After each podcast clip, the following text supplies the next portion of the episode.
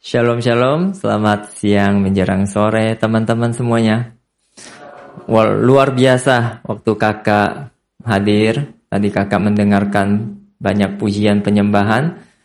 Satu yang kakak perhatikan ini jam yang gak populer sebenarnya ya. Ya, teman-teman youth ini luar biasa sekali. Jam 2, jam 1, jam 2, jam 3, jam 4 waktunya ke bukan ke mall nih ke gereja nih buktinya teman-teman datang ke gereja. Nah, colek kiri kanannya katakan Bapak bangga sama kamu.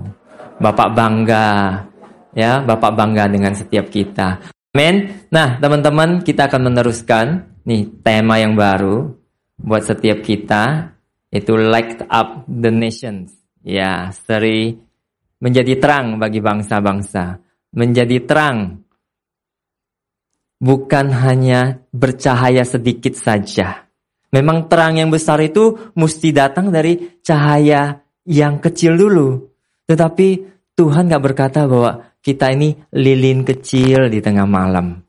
Ya, teman-teman jangan berpikir bahwa saya ini cukuplah sedikit aja terangnya. Kiri kanan bahkan lihatnya redup. Uh, hati Bapak buat setiap kita itu kita terangnya itu sampai kepada bangsa-bangsa. Amin.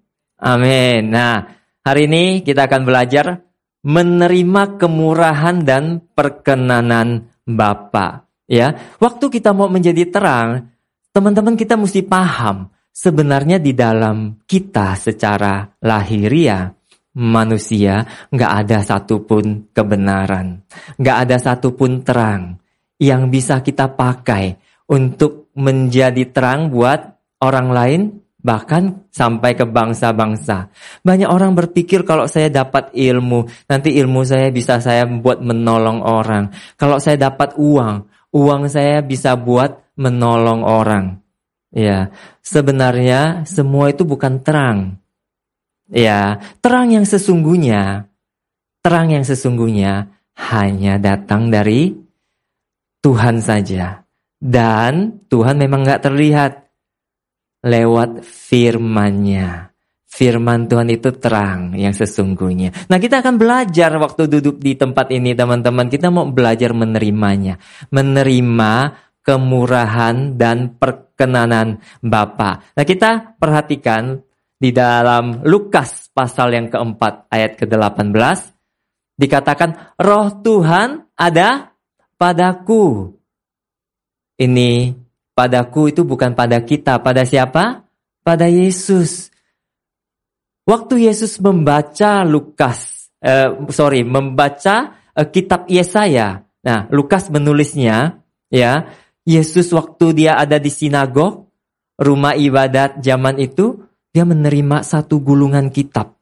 Waktu dia membukanya, Ya, nah teman-teman jangan meniru seperti itu. Kalau mau baca firman, Alkitabnya dilempar dulu. Nanti kebuka yang mana seperti itu, bukan. Ya, terus asal buka. Lihat di YouTube yang suka mana dibuka, bukan ya. Ini Tuhan ini berdasarkan roh Tuhan, pimpinan. Makanya waktu Tuhan Yesus membuka gulungan kitab Yesaya, dia menemukan ayat dan dia membacanya. Di situ dikatakan roh Tuhan ada padaku. Oleh sebab ia telah mengurapi aku untuk menyampaikan kabar baik kepada orang-orang miskin. Dan ia telah mengutus aku untuk memberitakan pembebasan kepada orang-orang tawanan. Dan penglihatan bagi orang-orang buta untuk membebaskan orang-orang yang tertindas. Untuk memberitakan tahun rahmat Tuhan telah datang. Ya, jadi Yesus waktu dia membacakan kitab Yesaya ini, Yesus berkata bahwa dia datang dan dia menggenapinya untuk memberitakan tahun rahmat. Sebenarnya apa yang Yesus baca hari itu belum selesai ada lanjutannya yaitu hari pembalasan. Nanti akan datang hari pembalasan. Tetapi Yesus selesai dan titik dia meletakkannya dan berkata, hari ini genaplah nas ini. Artinya genap artinya selesai sampai di sini. Yesus datang untuk memang memberitakan tahun rahmat, bukan membawa penghukuman. Kita sudah belajar bahwa Bapak datang di rumah, hadir untukmu, ada untukmu, nggak bawa palu, siap menghukummu. Sejak dari Yesus membacakannya sampai kepada hari ini, katakan kepada teman-teman sebelahnya hari ini. Hari ini. Jadi sejak Yesus membacakannya sampai kepada hari ini masih berlaku. Grace period tahun rahmat itu masih berlaku. Belum belum ada hari pembalasan.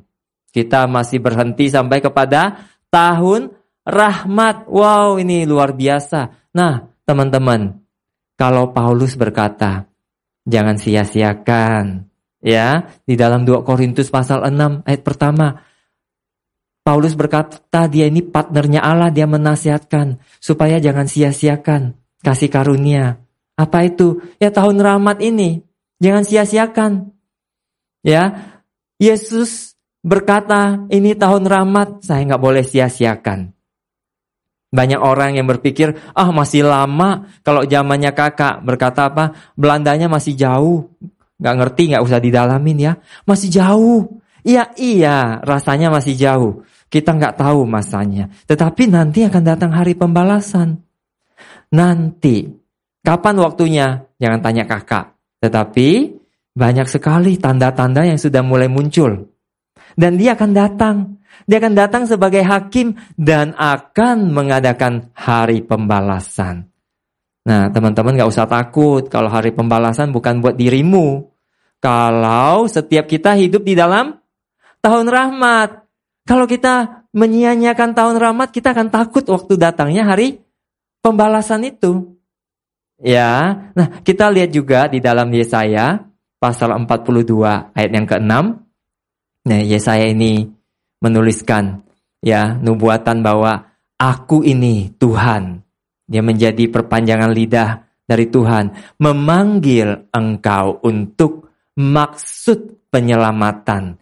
Ya, waktu kakak membaca di dalam versi bahasa Inggris, memanggil engkau untuk maksud penyelamatan, kata penyelamatan di sini tuh righteousness. Artinya kita ini dibenarkan ada maksudnya.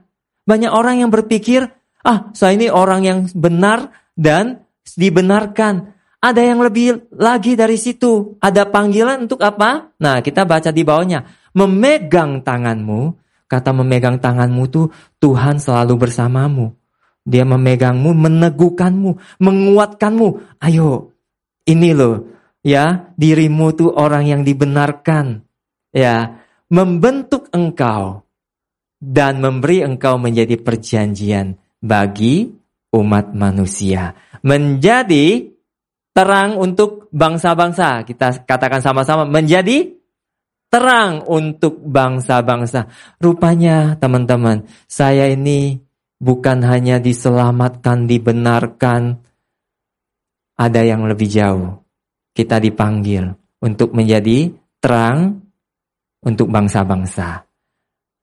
Nah, ayat ketujuh mirip dengan yang dituliskan di dalam Yesaya 61 dan Lukas 4 ayat 19 itu. Untuk membuka mata yang buta, untuk mengeluarkan orang hukuman dari tempat tahanan, dan mengeluarkan orang-orang yang duduk dalam gelap dari rumah penjara.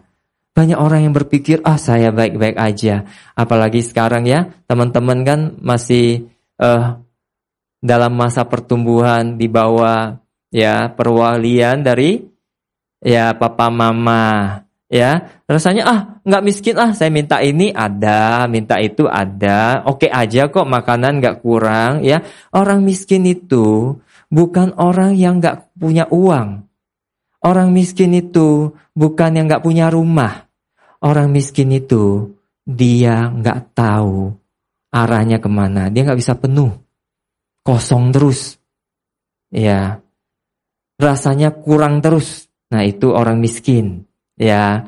Nah, mungkin teman-teman di sini belum sampai kepada titik ah, kayaknya saya enggak seperti itu. Nah, teman-teman kakak yang usianya mirip. Jangan-jangan salah salah dua, salah tiganya adalah ya papa mama juga kali ya. Banyak yang miskin. Nggak bisa penuh hidupnya. Kosong terus, haus terus, bingung terus, khawatir terus. Ya, nggak ngerti tentang kabar baik. Tuhan berkata, dia diutus, diurapi untuk menyampaikan kabar baik. Ada kabar baik bahwa di ujung ada hal yang berbeda. Banyak sekali orang dia berpikir hidupnya berhenti sampai di sini saja. Dia menikmati yang ada aja. Ya, banyak orang yang bermental miskin. Apa yang dia punya? Dia berpikir ya hidupnya ya makanannya ya ya seperti itu aja. Dia nggak pernah berpikir bahwa dia ini adalah anak dari raja segala raja yang punya segala sesuatu. Ya, dia berpikir hidupnya menikmati yang saat ini saja. Ya, kakak dapat satu statement yang kakak renungkan bahwa seorang anak raja dia memikirkan semua urusan dari raja. Seorang yang benar dia memikirkan tentang semua hal yang benar. Seorang yang hidupnya sudah dikuduskan, dia memikirkan semua yang kudus dan yang pasti sampai kekal. Nah, banyak orang yang nggak tahu dia siapa. Makanya yang dipikirkan yang sementara dan akan habis. Nah, itu orang yang bermental miskin dalam hidupnya. Untuk memberitakan pembebasan kepada orang-orang tawanan. Tawanan. Tawanan itu artinya dia nggak bisa lagi punya pilihan. Dia terus bergerak ke arah yang sama. Banyak sekali orang-orang yang ada di dunia ini hari-hari ini tertawan hidupnya. Apa selanjutnya? Semua yang menawan itu adalah berita-berita tentang perang, tentang apa lagi? Tentang perkembangan ekonomi. Uh, harga harga ini jatuh nih, harga minyak goreng naik. Teman-teman tahu nggak kalau harga minyak goreng pernah naik? Nggak tahu kan? Jarang makan gorengan. Kalau yang banyak makan gorengan tahu tuh harga minyak goreng mahal. Ya, nanti habis minyak goreng. Terus kenapa macet ya? Oh ya ngantrinya di pom bensin. Ya, habis harga minyak goreng naik, minyak bensin juga naik. Ya, itu kayaknya tertawan. Waduh bingung. Ya, semuanya memikirkan hal yang sama. Apalagi virus baru. Sebentar lagi, wih mau masuk sekolah, baru masuk. Libur lagi. Ya, kayaknya bolak-balik gitu. Ya, bingung ya seperti itu ya. Banyak orang yang tertawan.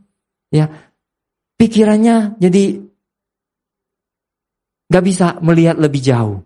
Nah, itu penglihatan bagi orang-orang buta. Dia sudah dibutakan. Banyak orang berpikir, enggak ah, saya punya penglihatan beberapa langkah ke depan. Ya, teman-teman tahu enggak? Kalau zaman dulu ya, kan enggak ada kacamata ya. Ya kan? Enggak ada kacamata. Tahu kan ya, zaman Yesus enggak ada kacamata? Enggak ada yang tahu ya? nggak ada kacamata pokoknya. ya, zaman itu nggak ada kacamata. Ya, kalau orang yang dimaksud buta, dia lihatnya rabun cuma semeter di depan itu juga buta. Ya, yang dimaksud itu punya penglihatan dan tidak buta itu bisa melihat sampai ujung. Ya, ingat kisah satu kisah waktu Yesus menyembuhkan orang yang buta. Dia dibawa keluar dari uh, satu desa. Waktu dia diludahi, terus matanya ditanya bisa lihat lagi nggak? Dia bisa lihat katanya. Banyak orang pikirnya dia bisa lihat. Saya lihat, tapi orang kayak pohon. Nah lo, banyak orang yang salah lihat. Ya, anak-anak Tuhan suka salah lihat. Oh itu baik. Padahal dia nggak ngerti itu baik. Orang yang datang mau menyelamatkan, mengasihi, dipikirnya musuh. Ya, tetapi orang yang datang sebagai serigala dipikirnya kawan. Nah, dulu kakak waktu kecil juga sukanya berteman sama orang-orang yang rasanya menurut kakak baik. Pikir, ah ini baik lah, baik. Padahal dia memang setia kawan. Wih, luar biasa. Cuma bukan hanya setia kawan. Di dalam hal, semua hal. Ya, nih, saya sayang sama kamu nih, saya bagi kamu rokok. Nah, itu baik kan? Baik nggak? Enggak. Nih, nih saya ada tontonan nih. Ini ada tontonan agak bagusan buat kamu. Eh, masa sih kita teman kita nggak berbagi nih? Nih ada gambar yang nggak bener. Yuk kita lihat sama-sama. Sayang kalau saya nikmati sendiri. Yuk nikmati sama-sama yuk. Tuh, banyak orang yang nggak paham. Dia dibutakan. Dia rabun matanya. Dia nggak bisa melihat kawan dan lawan itu siapa. Membebaskan orang-orang yang tertindas. Tertindas oleh apa? tertindas itu artinya ya nggak bisa nggak bisa lagi uh, berpikir lebih jauh, nggak bisa lagi uh, mau melakukan tapi rasanya ah nanti juga saya nggak punya uh, kesempatan, saya tidak juga akan disetujui. Banyak yang tertindas oleh otoritas, ya, oleh apa? Ya dalam sekolah. Ini, ini mesti kamu begini. Kerja, kerjakan tugasnya harus selesai. Ya, ini teng bunyi lagi. Ada assignment baru, assignment baru, assignment baru. Nah, di sini yang jadi guru ya, jangan bertobat, tidak apa-apa, itu biasa ya. Tapi banyak sekali orang yang akhirnya tertindas di situ. Aduh, saya pikirannya jadi kusut dengan banyak tugas. Ya, apalagi yang kalau yang sudah mulai kerja, wah tekanan itu menindas. Ya, mesti selesai. Ini ya kalau kerja jangan tenggo tenggo terus. Ten apa udah five uh, tenggo gitu loh. Ya jam 5 selesai pulang.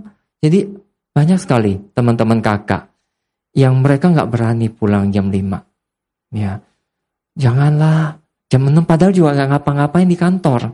Cuman karena karena uh, dia punya atasan, atasannya gila kerja katanya. Padahal jangan-jangan di dalam di dalam ruangannya dia juga main games gitu kan. Apalagi dia belum belum berkeluarga. Jadi yang lain di luar deg-degan tunggu kalau dia uh, atasannya itu pulang, dia baru berani pulang. Takut dia untuk pulang duluan. Tertindas hidupnya. Ya. Ada yang senyum-senyum, jangan-jangan memang benar ada kejadian itu ya. Amin. Ya jangan amin yang seperti itu. Nah kita tahu bahwa rupanya ada tahun rahmat. Ada pembebasan bagi setiap kita. Ada mata yang dicelikkan. Ada kemerdekaan. Ada kelimpahan. Kekayaan Kristus sehingga kita nggak lagi hidup di dalam kemiskinan. Nah kita lihat statement di bawah ini. Tuhan mau kita ambil peran. Karena kita sejak Yesus datang dia tinggal di dalam kita. Kita sebenarnya terus menerimanya. Waktu kita menerimanya, kita mesti meneruskannya itu yang dinamakan peran.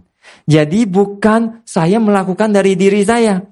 Saya menerima, terus menerima, dan di situ saya mengalirkan, meneruskannya. Itulah peran. Nah kita baca statement ini.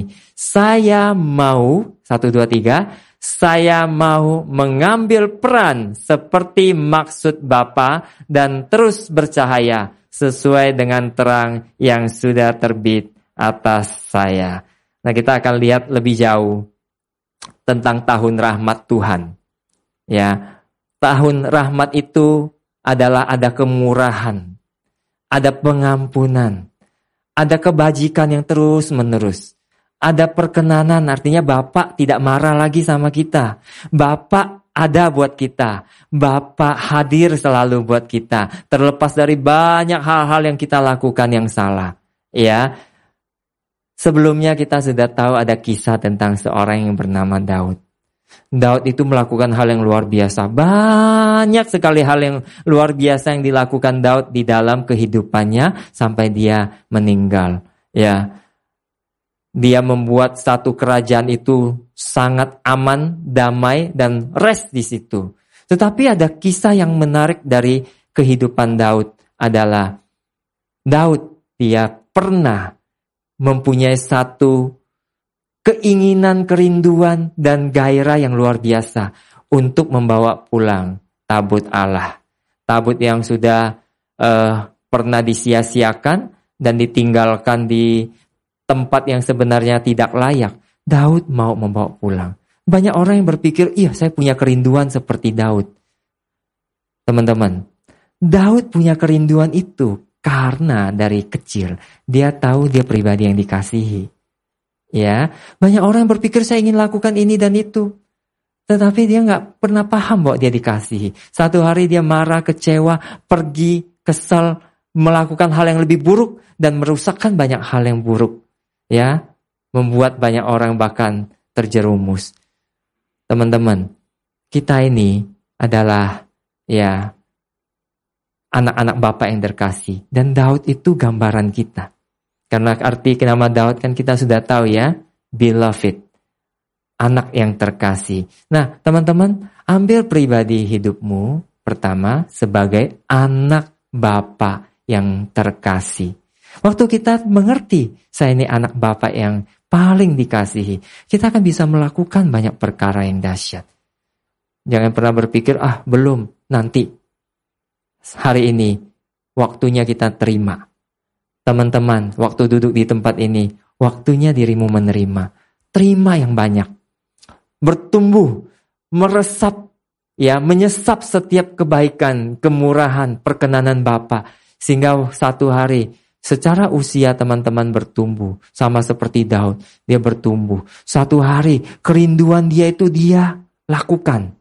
Dia membawa balik tabut Tuhan. Ya, tabut Tuhan dia bawa bukan ke kota Gibeon, ke kotanya dia. Kota Daud. Kota Yerusalem. Di situ dia taruhkan tabut itu di satu kemah. Kemah yang sederhana sekali. Kemah yang tidak ada sekatnya. Kemah yang tidak ada juga pembatas apa pun tabut itu ditaruh di tengah-tengah kemah tersebut. Apakah begitu penting tabut Tuhan itu? Sangat penting sekali. Karena di zamannya Daud, Daud mengerti tabut itu adalah gambaran kehadiran Tuhan. Ya, sebelumnya sudah disampaikan, tabut itu adalah gambaran kehadiran Tuhan. Di dalam tabut itu ada tiga jenis barang dan sudah dijelaskan sebelumnya dan di atasnya ada tutup pendamaian.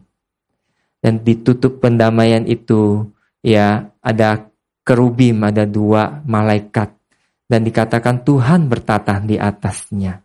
Ya, banyak di zaman itu banyak orang yang nggak mengerti. Mereka berpikir itu sangat saklar dan menakutkan. Tetapi Daud itu mengerti hati Tuhan. Daud paham Ya, makanya Ibrani menulis bahwa datang kepada tahta kasih karunia itu jangan dengan takut dan gentar. Daud di zaman itu dia udah mengerti. Dia tahu bahwa Tuhan itu bertata di atas tabut itu ditutup pendamaian itu mercy of seat itu artinya Tuhan bertata di atasnya. Itu tahta kasih karunia. Dan setiap orang boleh datang. Makanya Daud tidak mau membawa itu kembali kepada tempat yang lama, kemah Musa. Dia menaruhkannya di kemahnya yang disebut pondok Daud. Nah, Amos pasal 9 ayat 11 ini menuliskan bahwa pada hari itu artinya belum terjadi karena di zaman itu Israel sudah tercerai berai, banyak banyak yang tertindas ya ditawan ya secara lahiriah mereka dibawa keluar dari Israel Nah, Amos menulis bahwa pada hari itu aku akan mendirikan kembali pondok Daud yang telah roboh. Padahal itu kan juga kemah ya, bisa dirobohkan kapan saja. Pasti ini bukan bicara secara lahiriah. Aku akan menutup pecahan dindingnya dan akan mendirikan kembali leluntuhannya. Aku akan membangunnya kembali seperti di zaman dahulu kala. Jadi hatinya Tuhan adalah pondok Daud ini kembali dibangun. Kenapa? Kita akan lihat lebih jauh. Kenapa bukan kemah Musa? Mengapa harus pondok Daud atau kemah Daud? Apa sih bedanya? Teman-teman bisa belajar lebih jauh supaya mengerti hati Tuhan buat setiap kita. Ya, kita akan lihat lebih jauh. Kita lihat itu kemah Musa. Nah, kemah Musa itu ada tiga bagian. Bagian yang pertama itu di luarnya namanya pelataran. Ya, tempat banyak sekali aktivitas di situ. Ya, orang-orang Israel mereka biasa datang ke situ membawa korban untuk diperiksa ya oleh imam-imam yang lolos nanti dibawa ke dalam ruang kudus. Ya, nah bagian yang kedua ada ruang kudus. Ruang kudus itu aktivitas dari imam. Imam memotong, ya. Nah, bagian ketiga itu yang dinamakan ruang maha kudus. Nah di dalam ruang maha kudus itulah Musa diminta untuk menaruhkan ya tabut Tuhan. Kehadiran Tuhan itu ada di ruang maha kudus. Tidak ada orang yang boleh masuk selain imam besar. Setahun sekali imam besar itu akan masuk untuk memercikkan darah dari uh, anak domba yang tidak bercacat dan tidak bercela ke atas tabut Tuhan itu sehingga ya pengampunan dosa, ya perasaan-perasaan bersama apa pun itu akan diselesaikan di situ. Ada tabir yang memisahkan. Tidak semua orang boleh masuk. Hanya imam besar. Kalau imam besarnya bikin salah, barusan marah, dia nggak sadar, dia masuk ke dalam, nah bisa mati dia. Ya, mereka harus dipasangin rantai tujuannya apa? Supaya kalau masuk ke dalam dia mati nggak ada gerakan lagi bisa ditarik keluar karena nggak ada yang berani ke, ke dalam mengangkatnya. Uh begitu saklar, begitu menakutkannya ruang maha kudus itu. Ya, dan waktu Salomo membangun bait Allah, Salomo memakai layout dari kemah Musa ini. Dia membangun bangunan yang permanen dan dia membangun juga ruang maha kudus. Tetapi kita lihat kemah Daud. Kemah Daud berbeda.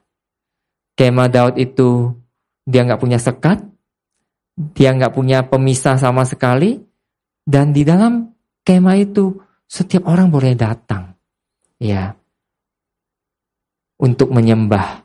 Bahkan Daud mengadakan penyembahan terus menerus 24 jam. Nah, banyak orang yang akhirnya di gereja-gereja mereka ada membangun juga seperti Pondok Daud. Di situ setiap hari harus ada yang datang bernyanyi, ya, memuji Tuhan. Nah, itu lahiriah sebenarnya. Yang dimaksud adalah 24 jam ini adalah setiap hari apakah kita menyadari Apakah setiap waktu kita sadar roh Tuhan itu di dalam kita dan terus hidup di dalam kita dan ingin bekerja melalui kita. Ya. Nah, kisah para rasul 15 ayat 16 sampai 17 ini persis sama seperti ya di dalam uh, Amos pasal yang ke-9 ayat 11 tadi. Yakobus waktu itu ya menyatakan mengambil ayat ini waktu terjadi perselisihan tentang ah ini orang-orang bukan Yahudi nggak boleh. Ya sepertinya keselamatan nggak sampai ke situ. Ya mesti disunat lah apalah segala macam ikutin tata krama. Nah Yakobus bicara bahwa kemudian aku akan kembali dan membangunkan kembali pondok Daud yang telah roboh dan leruntuhannya akan kubangun kembali dan akan kuteguhkan supaya semua orang lain mencari Tuhan dan segala bangsa yang tidak mengenal Allah yang kusebut milikku. Demikianlah firman Tuhan yang melakukan semuanya ini. Jadi pondok Daud dibangun kembali. Kehadiran Tuhan nyata ya di tengah-tengah umatnya harus sampai kepada bangsa-bangsa. Tidak berhenti sampai kepada kita. Hatinya Tuhan persis Daud mengerti. Waktu Daud membawa tabut itu dari rumah Obed Edom. Dia tahu bahwa bukan hanya buat Obed Edom saja. Juga bukan buat diri dia saja. Bukan hanya buat sekelompok orang. Tetapi tahun rahmat, perkenanan, kemurahan, kebajikan Tuhan mesti sampai kepada semua orang. Semua orang yang ingin mencari Tuhan, tidak boleh ada batasan. Kalau ada orang yang datang ke dalam hidup kita, harusnya tahun rahmat itu mengalir kepada dia. Ah, kayaknya dia nggak cocok deh. Kalau dia mencari Tuhan, dia berhak mendapatkannya. Amin. Ya, nah kita ini digambarkan dalam hidup kita sebagai kemah. Karena sementara kalau di dalam 2 Korintus pasal kelima, ayat yang pertama dikatakan bahwa tubuh kita ini kemah. Ya, kalau Paulus berkata tubuh kita bait Allah. Ya, roh Tuhan itu tinggal di dalam kita. Makanya dikatakan tempat kita kemah. Nah, kemah ini sementara. Ya, kalau kita melihat diri kita sebagai kemah Musa atau sebagai bait suci Salomo, Makanya kita nggak jarang merasakan kehadiran Tuhan. Banyak orang yang ah saya nggak ngerti. Nah di situ kita menyekatnya di dalam pikiran kita. Kita nggak mengizinkan ya batasan tabir itu yang sebenarnya sudah dirobohkan, sudah terbelah waktu Yesus mati itu tabir bait Allah itu sudah terbelah. Harusnya roh itu bebas bergerak sampai kepada jiwanya kita. Ya, saya kakak ulangi ya. Harusnya roh Tuhan yang tinggal di dalam kita, dia bebas bergerak. Tidak boleh lagi ada sekat. Nggak boleh ada batasan. Dibatasi apa? Puji-pujian. Dibatasi apa? Orang yang menyampaikan firman. Dibatasi apa lagi? Usia, Apa pun itu nggak boleh membatasi. Harusnya penyekat itu sudah di, sudah dirobohkan, tabir itu sudah terbelah, bebas bergerak roh Tuhan itu sampai kepada jiwa, sampai semua orang. Nah itulah terang Tuhan yang sampai kepada bangsa-bangsa. Kita akan lihat statement ini. Sebagai kemah tempat kediaman Allah, tidak boleh ada tabir, pembatas yang menghalangi saya untuk membawa kasih setia dan kemurahan Bapa kepada bangsa-bangsa. Kita akan lihat lebih jauh. Waktu Yesus membawa tahun rahmat berjalan di muka bumi ini, berulang kali Yesus membawa ya tahun rahmat itu yaitu menyembuhkan orang, membebaskan orang-orang yang kerasukan roh jahat, membangkitkan orang dari kematian, ya, orang yang timpang, orang yang lumpuh berjalan, orang yang buta dia dicelikkan. Nah, di dalam kisah yang sama ada seorang yang nggak buta, sepertinya nggak bisu, ya, nggak timpang, nggak juga uh, orang mati, tetapi Tuhan membawa kehidupan ke dalamnya. Ya, kita akan lihat di dalam Yohanes pasal yang keempat ayat yang keempat. Ini waktu Yesus ya melanjutkan perjalanan, ia harus melintasi daerah Samaria. Di situ terdapat sumur Yakub. Yesus sangat letih oleh perjalanan. Karena itu ia duduk di pinggir sumur itu. Hari kira-kira pukul 12. Yesus melintasi. Dikatakan harus. Kata harus ini sepertinya dipaksa harus ini sepertinya apa? Eh, nggak uh, boleh enggak, ya. Tidak boleh ada kata tidak. Nah, itu terjemahan apa? Tidak boleh ada kata tidak. Nah, enggak ya, taat itu bukan seperti itu. Banyak orang berpikir taat tidak boleh ada kata tidak. Ya, harus, harus. Ya, kata harus di sini kita akan lihat. Ya, harus adalah dituntun. Ya, ada tuntunan. Harus itu satu gerakan dari roh Tuhan yang menuntun Yesus melewati daerah Samaria. Yesus itu dah dari Yudea. Yudea itu ada di selatan di bawah. Dia bergerak mau ke Galilea, kembali ke Galilea. Provinsi Yudea itu ada di bawah. Provinsi Samaria ada di tengah. Galilea itu ada di atas. Perjalanan yang biasa dilakukan adalah melalui menyusuri ya tepi sampai kepada Danau Galilea. Tetapi Yesus memang berjalan menyusuri dan dia menikung turun ke daerah Samaria di daerah Sikar. Ya. Kenapa? Banyak orang berpikir itu kan lebih dekat memang makanya Yesus harus lewat. Enggak, kalau dari Yudea ke arah Samaria, mereka nggak bisa lewat karena banyak perbukitan dan daerah itu sangat berbahaya. Jadi memang harus nyusurin ya kota-kota di tepi itu ke Galilea. Tapi dia menikung turun ke Samaria, ke Sikar. Ya, jadi Yesus memaksudkannya.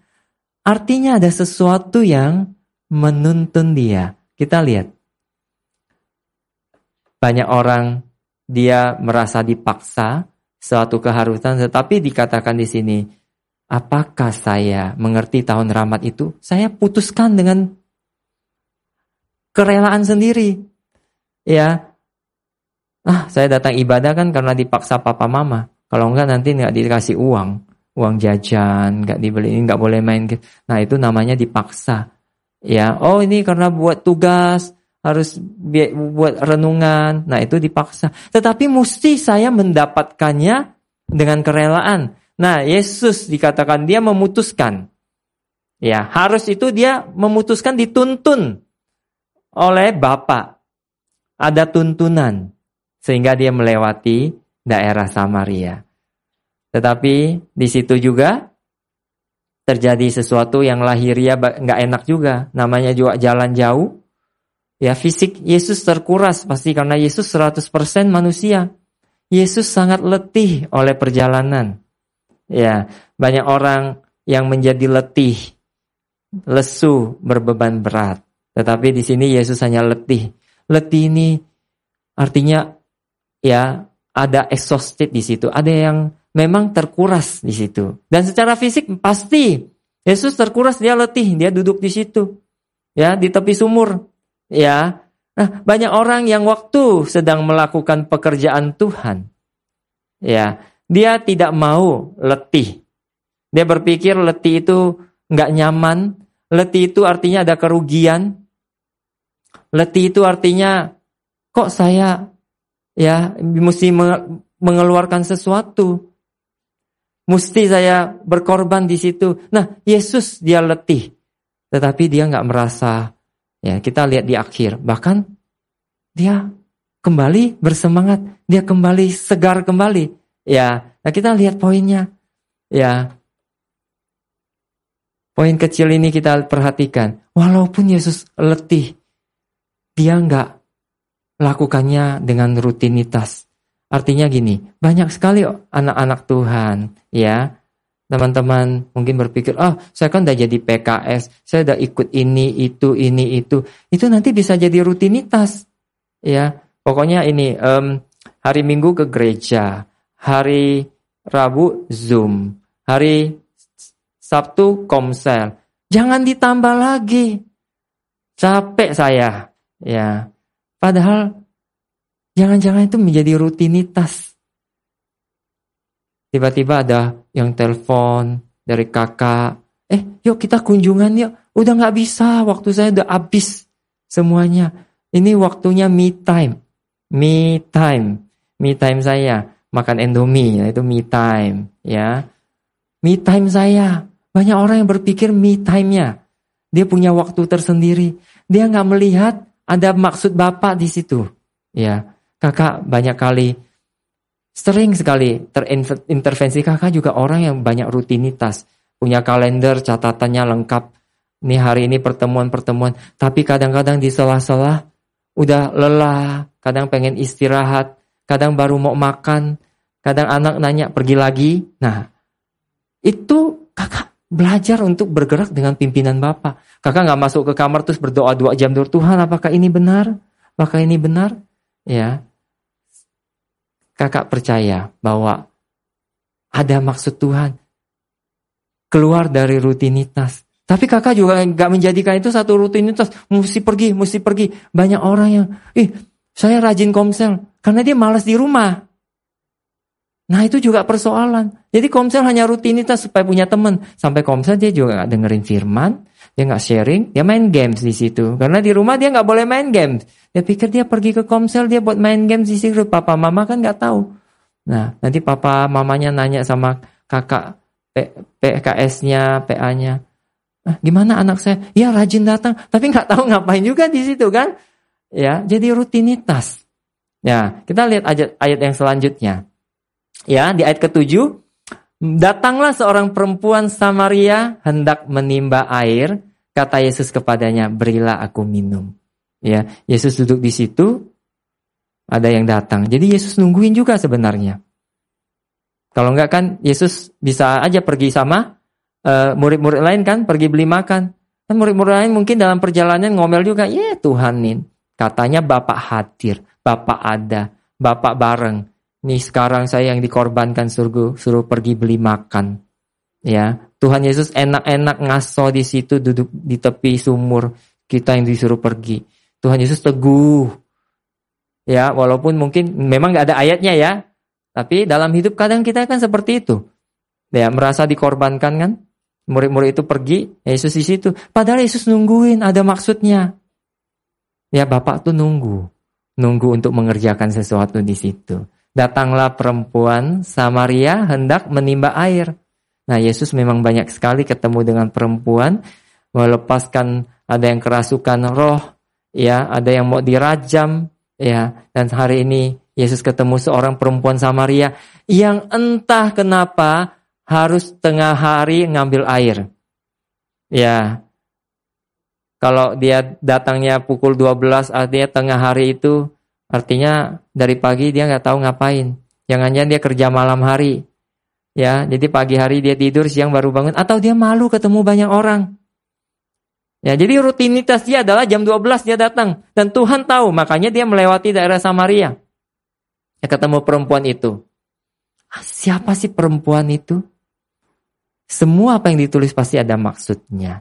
Perempuan itu sebenarnya gambaran kita sebagai gereja Tuhan. Yesus itu mengibaratkan dia sebagai mempelai laki-laki. Dan kita mempelai perempuan. Kita ini gereja itu adalah mempelainya dia. Nah, di dalam kisah ini perempuan Samaria, perempuan gambaran dari kita. Ya, Samaria ini yang sudah nggak murni lagi, yang sudah nggak dianggap, ya hendak menimba air. Yesus menghampirinya dan sepertinya meminta sesuatu. Nah kita lihat poinnya di situ.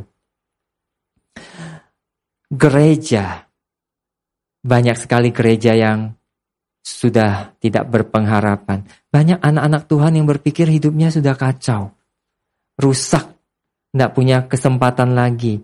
Mungkin teman-teman di sini ada yang berpikir, ya saya ikutin aja rutinitasnya terus, terus, terus. Nanti ujungnya juga begini, ya gimana kapan saya keluar dari rumah? Ya setelah saya punya sesuatu saya akan keluar dari rumah, saya akan bebas. Ya rasanya udah nggak punya pengharapan, udah kacau. Tuhan, dia datang sepertinya meminta. Padahal Tuhan sedang mau menghargai menghargai setiap kita. Dia menghargai perempuan itu. Dia tahu semua. Dia tahu semua apa yang terjadi kan kita nanti akan lihat di akhir. Dia tahu semua bagaimana perempuan itu rusak. Perempuan itu ya kacau sekali hidupnya. Tetapi Tuhan sangat menghargainya, mengajak dia bicara. Nah, teman-teman, dalam hidupmu, waktu ada yang datang, menyapamu, lihatlah bahwa dirimu sangat dikasihi. Ada ada kakak-kakak yang mau datang, sepertinya meminta bantuanmu. Padahal untuk membuatmu penting dan berarti dalam hidupmu. Terimalah dia. Ya. Terimalah dia.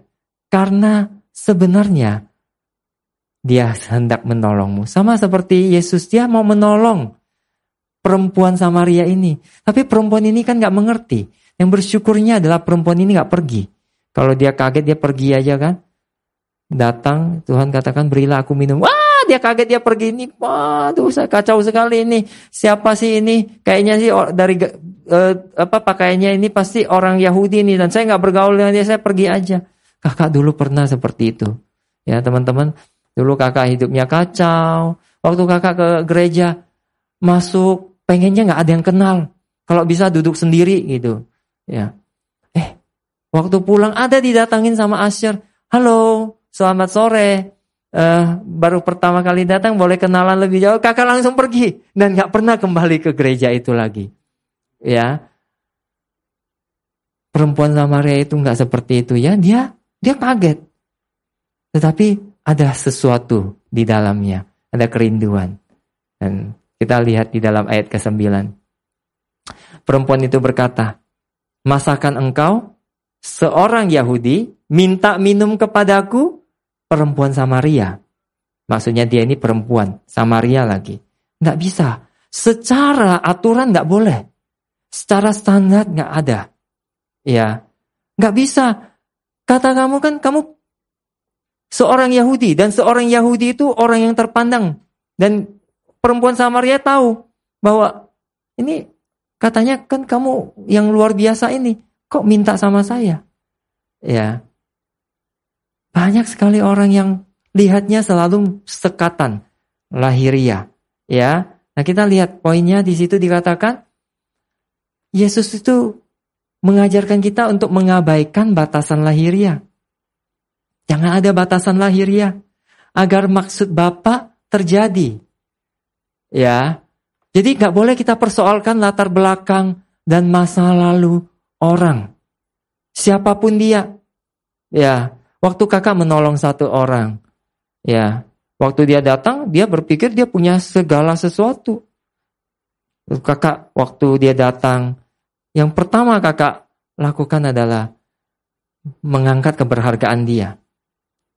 Menunjukkan bahwa dia berharga. Tiap kali makan, habis waktu setelah saya komsel mau makan, dia nggak pernah mau berani berdiri dekat-dekat. Dia nggak berani ngambil makanan. Karena dia nggak tahu keberhargaannya. Ya, apalagi kalau dari suku tertentu. Ya, dia merasa dia nggak layak. Ya. Nah, setelah kakak menyatakan kasih, terkadang seperti yang meminta dia melakukan sesuatu, ya, di awal dia merasa sepertinya saya hanya dimanfaatkan ini dan itu. Satu kali kakak bicara sama dia. Setelah dia mengerti hati kakak, kakak sampaikan, kamu itu nggak ada bedanya. Walaupun kamu dari suku yang berbeda, kamu berhak mendapatkan yang sama. Ya. Kamu boleh mendapat warisan yang sama karena kamu anak. Itu meruntuhkan banyak batasan lahiriah dia. Kakak sampaikan, kamulah bangsa-bangsa itu. Kamu mesti dapat. Banyak orang yang berpikir, nih kalau dimuridkan mestinya yang sama dong. Jidatnya sama, bentuknya, rambutnya sama, warnanya, ya, jenisnya kalau yang lurus ya sama yang lurus, matanya bentuknya sama, ya sama-sama suka main basket, ya saya mau dimuridkan. Ih ngomongnya nggak nyambung ah kalau nggak bisa gitu, ya banyak. Kakak sampaikan, banyak orang katakan nih kakak mirip sama ini ini, kakak mau patahkan semua itu. Artinya kakak bisa meneruskan kepada orang yang bahkan nggak mirip. Kalau semuanya mirip-mirip semua, aneh sekali. Jadi sampai bangsanya kapan? Yang muter-muternya di situ aja. Ya, suku ini aja semua dapat. Yang itu udah, udah, udah. Ya, Jeremy, dah jangan di sini. Buktinya masih ada kakak Jeremy di sini kan. Benar udah sampai ke bangsa-bangsa. Mestinya ini, ya. Karena yang kakak tolong ini juga dari ya Indonesia Timur. Kakak sampaikan kamu dapat yang sama. Oh itu mengubah dia. Dalam tiga bulan ini membuat dia berbeda sekali. Keteguhan dia beda. Dia melihat pribadi dia itu pribadi yang dikasih diterima. Dia lihat status dia anak Allah, dia berani untuk bicara sekarang. Dia berani waktu di komsel, dia menyampaikan kebenaran, dia berani memimpin. Wah, itu mengubah hidupnya. Nah, kita mesti seperti Yesus. Ya, tidak ya, tersekat-sekat. Ya, amin. Nah, kita lanjut kepada poin selanjutnya di dalam Yohanes pasal yang keempat ayat yang ke-10. Jawab Yesus kepadanya. Nah, ini Yesus berkata, Jikalau engkau tahu tentang karunia Allah, dan siapakah dia yang berkata kepadamu, berilah aku minum. Niscaya engkau telah meminta kepadanya, dan ia telah memberikan kepadamu air hidup. Wow, Yesus membukakan satu. Sedikit demi sedikit Yesus bukakan untuk mengubah pertama di dalamnya. Kalau Yesus datang langsung tok, dia pasti nggak bisa terima. Tapi Yesus menyampaikannya setahap demi setahap dan itu membuat wanita itu aman.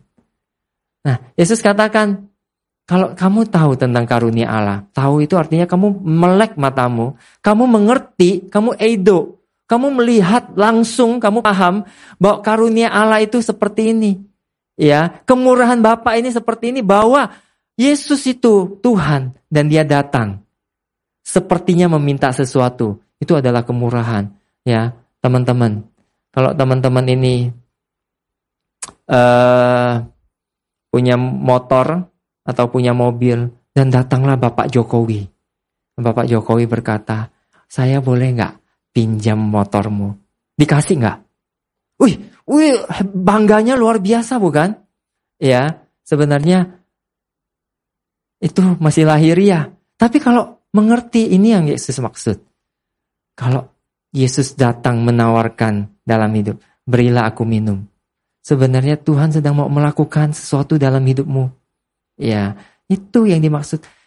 Yesus berkata, engkau telah meminta kepadaku sebenarnya kalau kamu mau beri aku minum ini.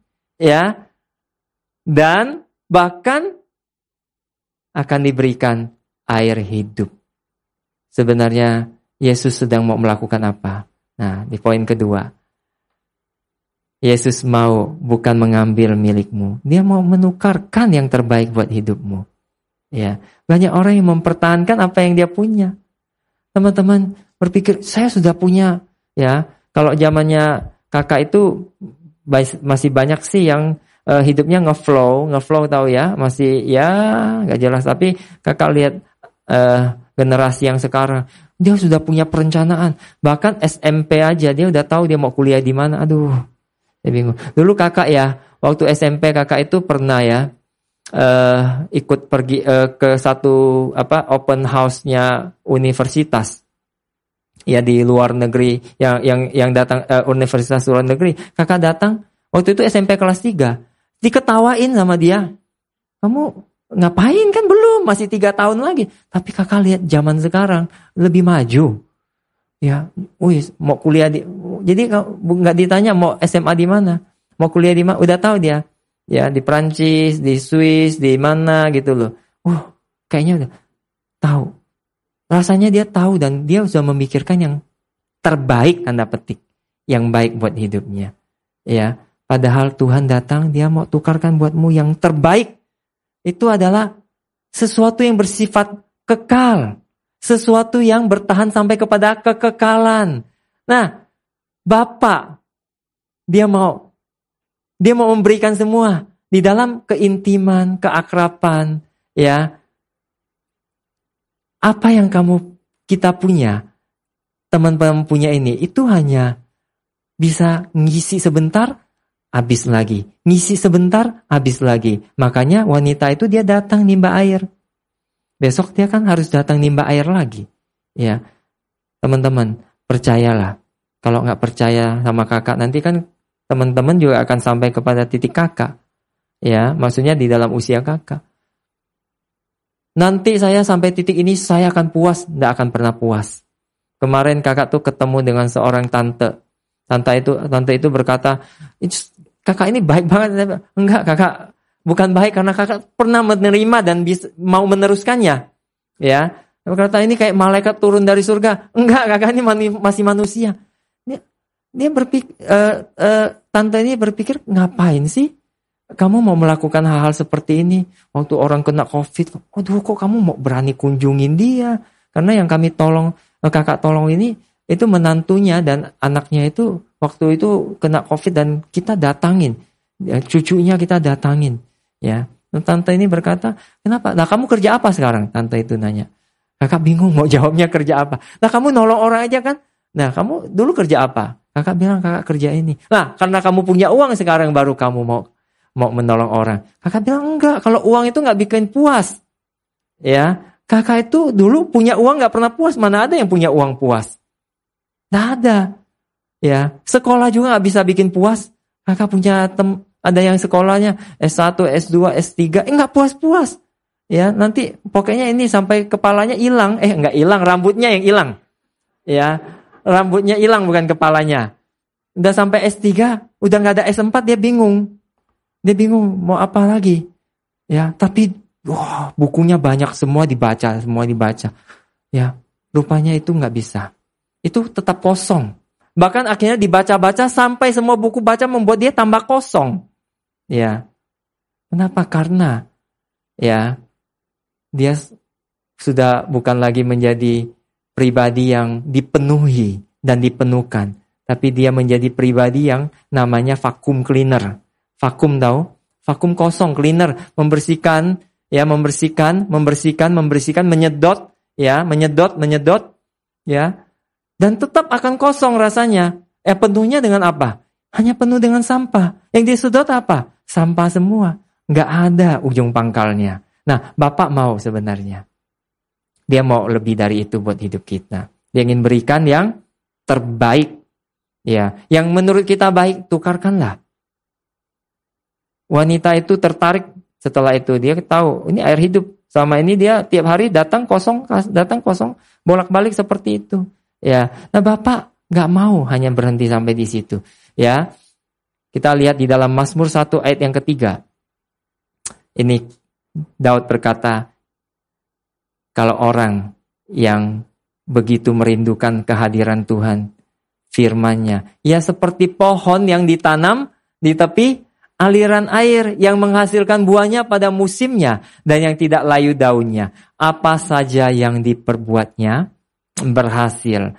Seperti pohon. Kita ini diibaratkan pohon buah. Sudah tahu kan? Pohon buah. Dan ditanam dengan sengaja. Bukan tumbuh liar. Bukan karena makan-makan nih biji-biji makan terus dilempar besok tumbuh.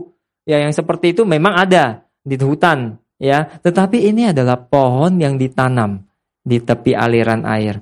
Dan itu dirawat spesial, diperhatikan. Nah, inilah diri kita di hadapan Allah. Ya, nggak tidak pernah apa layu dan selalu berbuah. Ya, waktu kakak membaca ayat ini, kakak mengingat ya pohon pohonan yang tidak pernah uh, tidak berbuah pada musimnya dan yang tidak pernah layu daunnya. Kalian Teman-teman tahu pohon di mana? Pohon di mana? Ah, kalau tahu nanti dapat hadiah. Pohon yang buahnya sedap dan tidak layu daunnya. Hah? Pohon, pohon di Taman Eden. Benar kan? Pohon di Taman Eden dan aliran sungainya ada empat di situ. Wow, itu pohon yang pertama ditanam sama Tuhan sendiri di situ. Nah, kita ini boleh nggak kita mengibaratkan diri kita sebagai pohon yang ditanam di Taman Eden, taman kesukaannya Tuhan. Ya, Tuhan memaksudkan itu buat hidup setiap kita.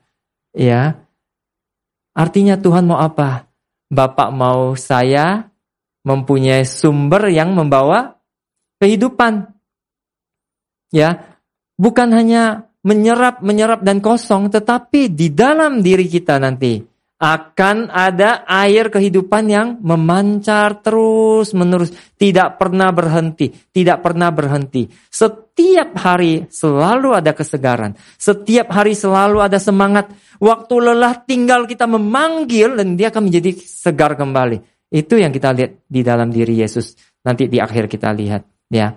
Banyak orang yang gampang loyo, capek dan makin gak bersemangat dan dia mulai menghabiskan waktunya ya saya mau apa ya healing healing healing.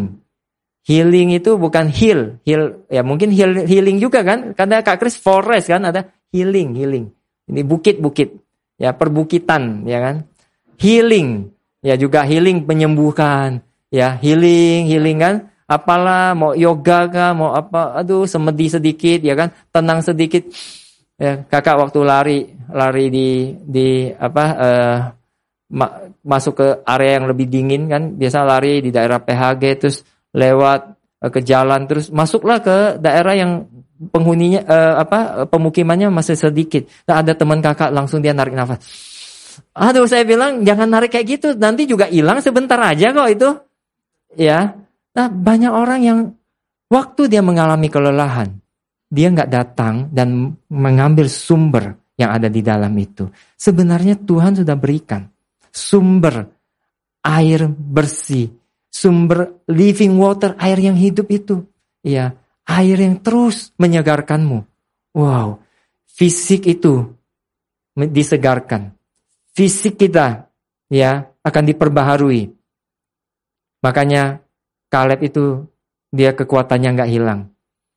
Abraham dia tetap ganteng di masa tuanya. Kalau dia ganteng ya, maksudnya dia tetap ini. Karena e, kalau Sarah jadi muda, kira-kira Abraham jadi muda nggak? Ah, jadi muda dong. Karena waktu dia ngaku sama Raja Abi itu kan dia katakan ini adikku. Nah, kan kalau kalau dia nggak ikut muda, dia kan bisa, berarti Raja Abi akan ngomong kamu bohong. Masa kamu sama adikmu beda jauh usianya? Kan Sarah kan jadi muda. Bener ya? Nah, teman-teman mau forever yang mau nggak? Kakak sih mau. Kalian nggak mau? Mau ah kalau air kehidupan itu ada di dalammu, kamu akan terlihat muda. Lihat aja gembala kita, nah ini gembala kita muda nggak? Tambah muda, makin lama makin muda, mestinya seperti itu. Amin, amin. Ya, tidak pernah kering, ya, nggak pernah kering. Jangan pikir ah ntar saya habis. Banyak orang yang melayani Tuhan takutnya tambah miskin, tambah sengsara, habis nanti perbendaharaannya habis, uangnya habis, waktunya habis, semuanya habis. Buat anak nggak ada lagi nanti, nggak nggak pernah kering. Kalau kita menaruhkan air kehidupan itu, dia memancar terus menerus, nggak pernah akan kering dalam hidup kita. Nah kita masuk ke poin terakhir. Yohanes pasal 4 ayat yang ke-15. Kata perempuan itu kepadanya, Tuhan berikanlah aku air itu. Nah, wanita itu akhirnya tertarik. Ya, dia tahu dia dia bisa mendapatkan sesuatu supaya aku tidak haus dan tidak usah datang lagi ke sini untuk menimba air. Wanita ini belum terlalu mengerti. Ya, banyak teman-teman kakak, ya teman-teman yang hadir di sini masih selalu melihatnya lahiriah. Jadi yang dia maksud tidak haus itu secara lahiriah dia nggak haus. Padahal Tuhan bicara tentang haus itu tentang hidupnya dia yang nggak berpengharapan. Tetapi yang dia lihat masih lahiriah. Karena dan tidak usah datang lagi ke sini untuk menimba air. Jadi dia lihatnya lahiriah. Ya, teman-teman, kalau dirimu masih campur aduk, masih bingung, gak apa-apa. Itu proses perjalanan. Tapi jangan taruhkan, kok begini? Katanya saya disayang. Sayang dan dikasih itu bukan berdasarkan standarnya kita. Jangan campur adukan. Apalagi berdasarkan film-film yang kita tonton. Di situ kayaknya, wah, maksudnya Bapak hadir itu, PKS saya mestinya hadir terus waktu saya lagi menderita, menderita apa ya? Mungkin uh, jerawatnya kegedean sakit banget. Dia mesti hadir di situ, dia mesti merasakan apa yang saya rasakan. Sakitnya itu di mana itu ya dia mesti ngerasain. Ya, itu mas standarmu sayang. Ya, jangan, uh, pokoknya saya lagi sedih banget, ulangan saya dapat jelek. Nah mestinya pemimpin tuh dia bersama saya, duduk di situ. Ya kalau enggak dia ngajarin saya. Itu semua lahiriah. Ya, Bapak hadir dan ada memberikan air kehidupan itu bukan sesuatu yang lahiriah. Ya. Nah, Yesus berkata, "Pergilah, panggillah suamimu dan datang ke sini." Makin gak jelas. Banyak orang yang hidupnya waktu ditolong sepertinya makin gak jelas. Kakak ingat waktu ada uh, ini ya belum bangsa-bangsa ini dari ya bangsa ya dari gereja masih juga gereja yang sama, sama tetapi dari area lain dia pengen belajar. Waktu dia katakan dia ingin belajar kakak bilang di sini nggak ada nggak ada sekolah. Ya tapi kalau mau dapat kehidupan boleh nggak apa-apa nggak masalah. Oh di awal dia datang dia bawa buku mau catat. Kakak nggak pernah kasih dia pelajarannya. Dia tambah bingung. Terakhir dia marah.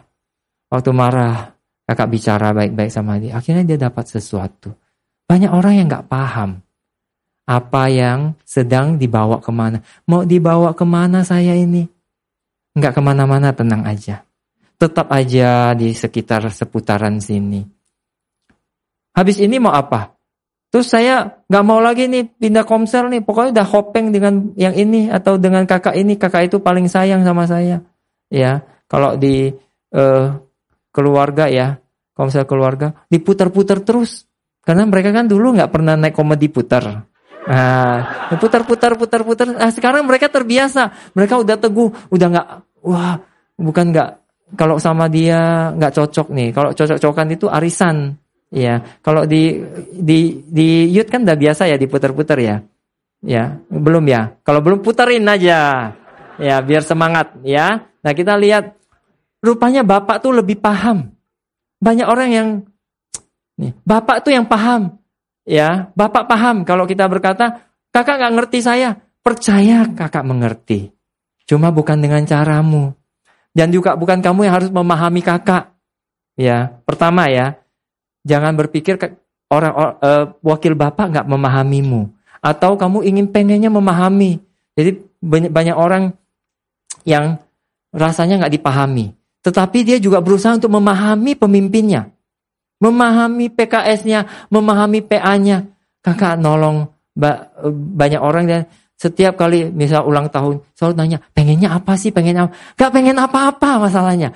Kayaknya pengen memahami, pengen tahu warna kesukaan ya dari orang yang mengasihi dia. Percayalah, Bapak itu gak perlu seperti itu. Bapak yang paham dan tahu apa kebutuhanmu. Bukan kita yang memahami Bapak dan ingin menjawab kebutuhan Bapak. Enggak seperti itu.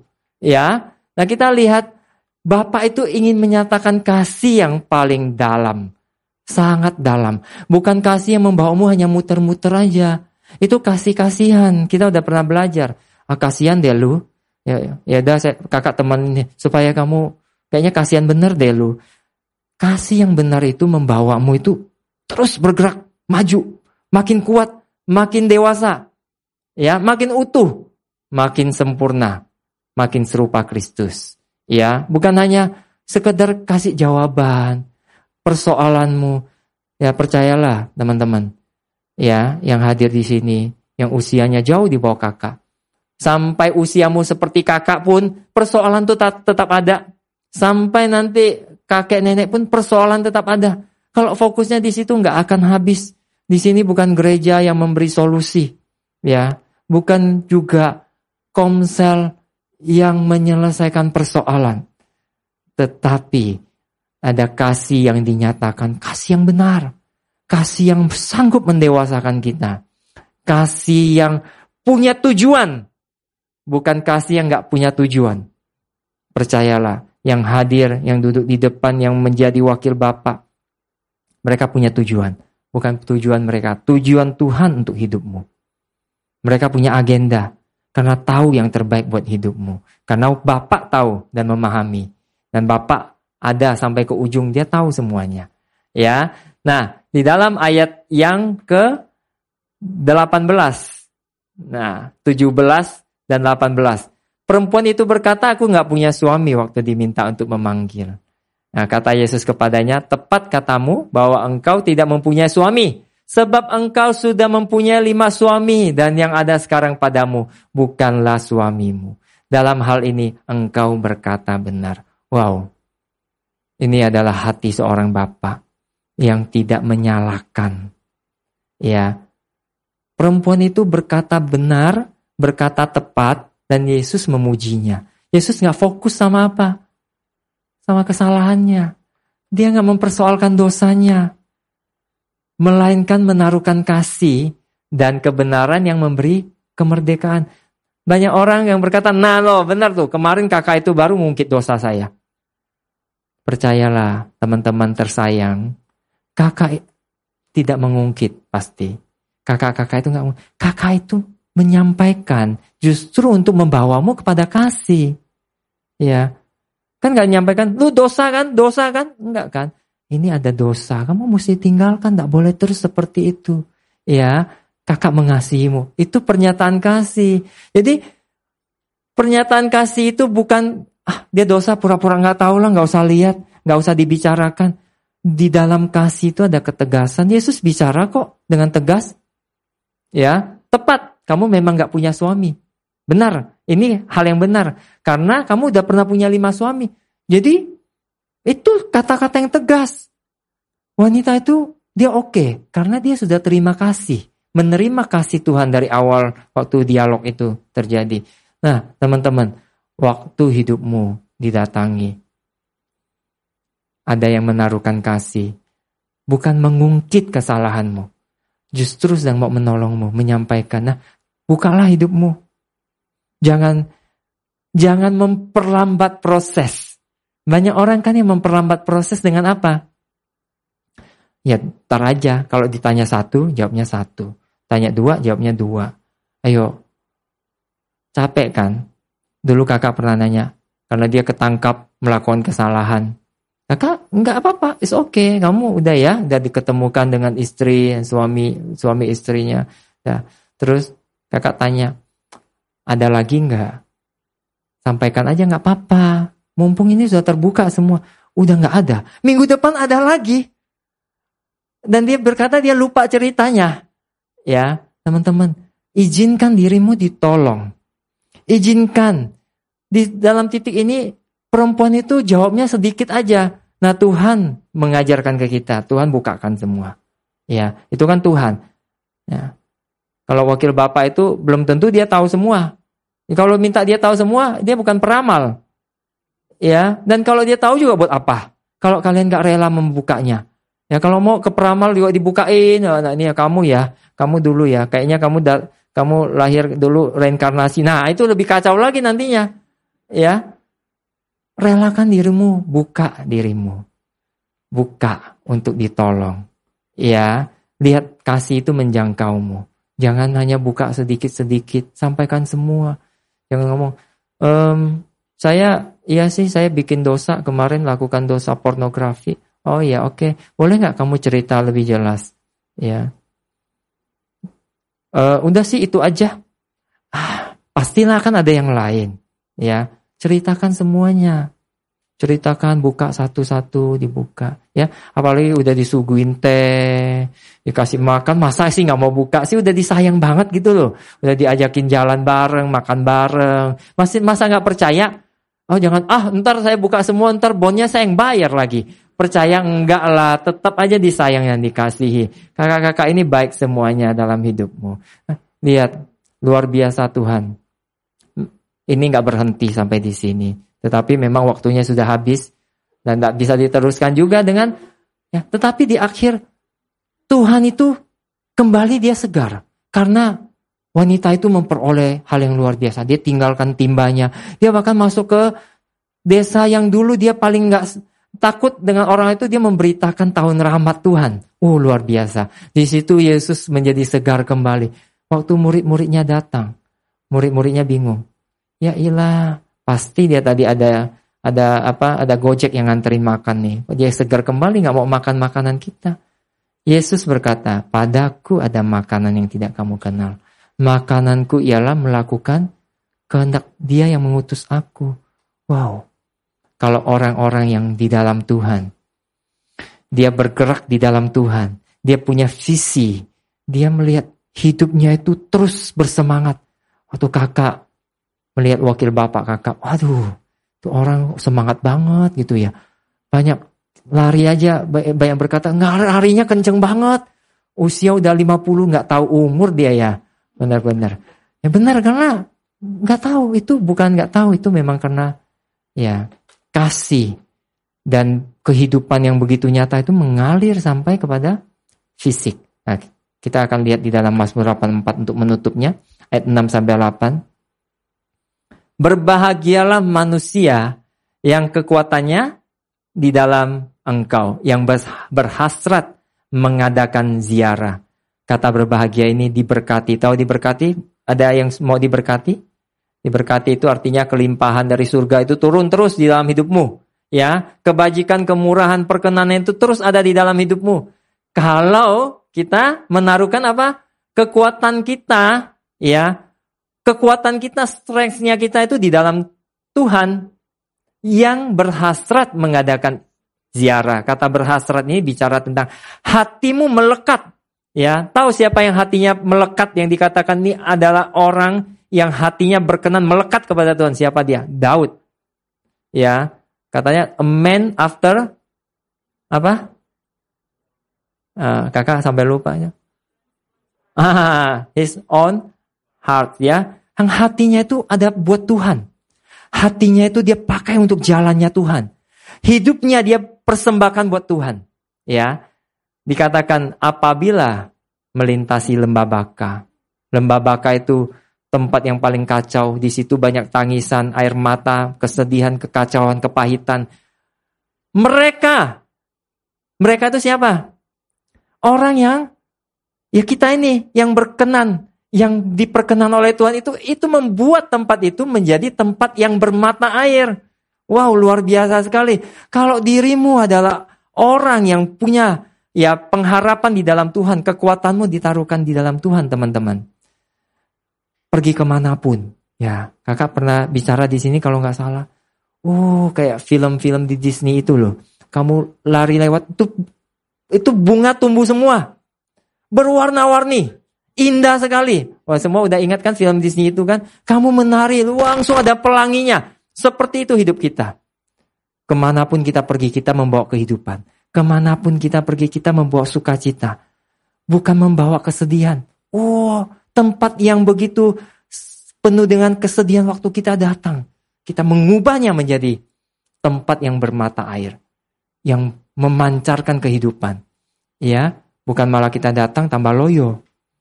Ya, ya loyo deh gara-gara saya ke situ. Jangan dirimu anak yang dikasihi. Bahkan hujan pada awal, awal musim menyelubunginya dengan berkat. Hujan awal musim tahu, waktu kemarau, kekeringan itu, wah, ya itu bukan hujan gerimis, itu hujan yang dicurahkan um, awal dari musim penghujan itu ya. Tanda dari musim hujan itu bukan hujan rintik-rintik, besok hujan rintik-rintik. Bukan. Tanda dari masuk musim penghujan itu ada curahan hujan yang begitu dahsyat dan wah itu menghapuskan semua kekeringan. Ya, itu menyelubungi dengan berkat. Nah, diri kita orang yang Tuhan tentukan seperti itu. Nah, yang terakhir kita baca sama-sama. Mereka berjalan makin lama makin kuat hendak menghadap Allah di Zion. Kakak berdoa inilah teman-teman yang hadir di sini. Makin bertambah bertumbuh sama seperti ya Nas menulis tentang Yesus. Ya, Yesus makin bertambah kuat, makin bertambah hikmat, ya, makin disukai oleh manusia. Dan pasti Allah berkenan ke dalam hidupmu. Dan kekuatanmu makin bertambah, berjalan makin lama makin kuat, bukan makin loyo. Kakak berdoa generasi ini tidak akan terhilang. Tidak ada satu pun yang terhilang. Bahkan generasi ini akan mengubah.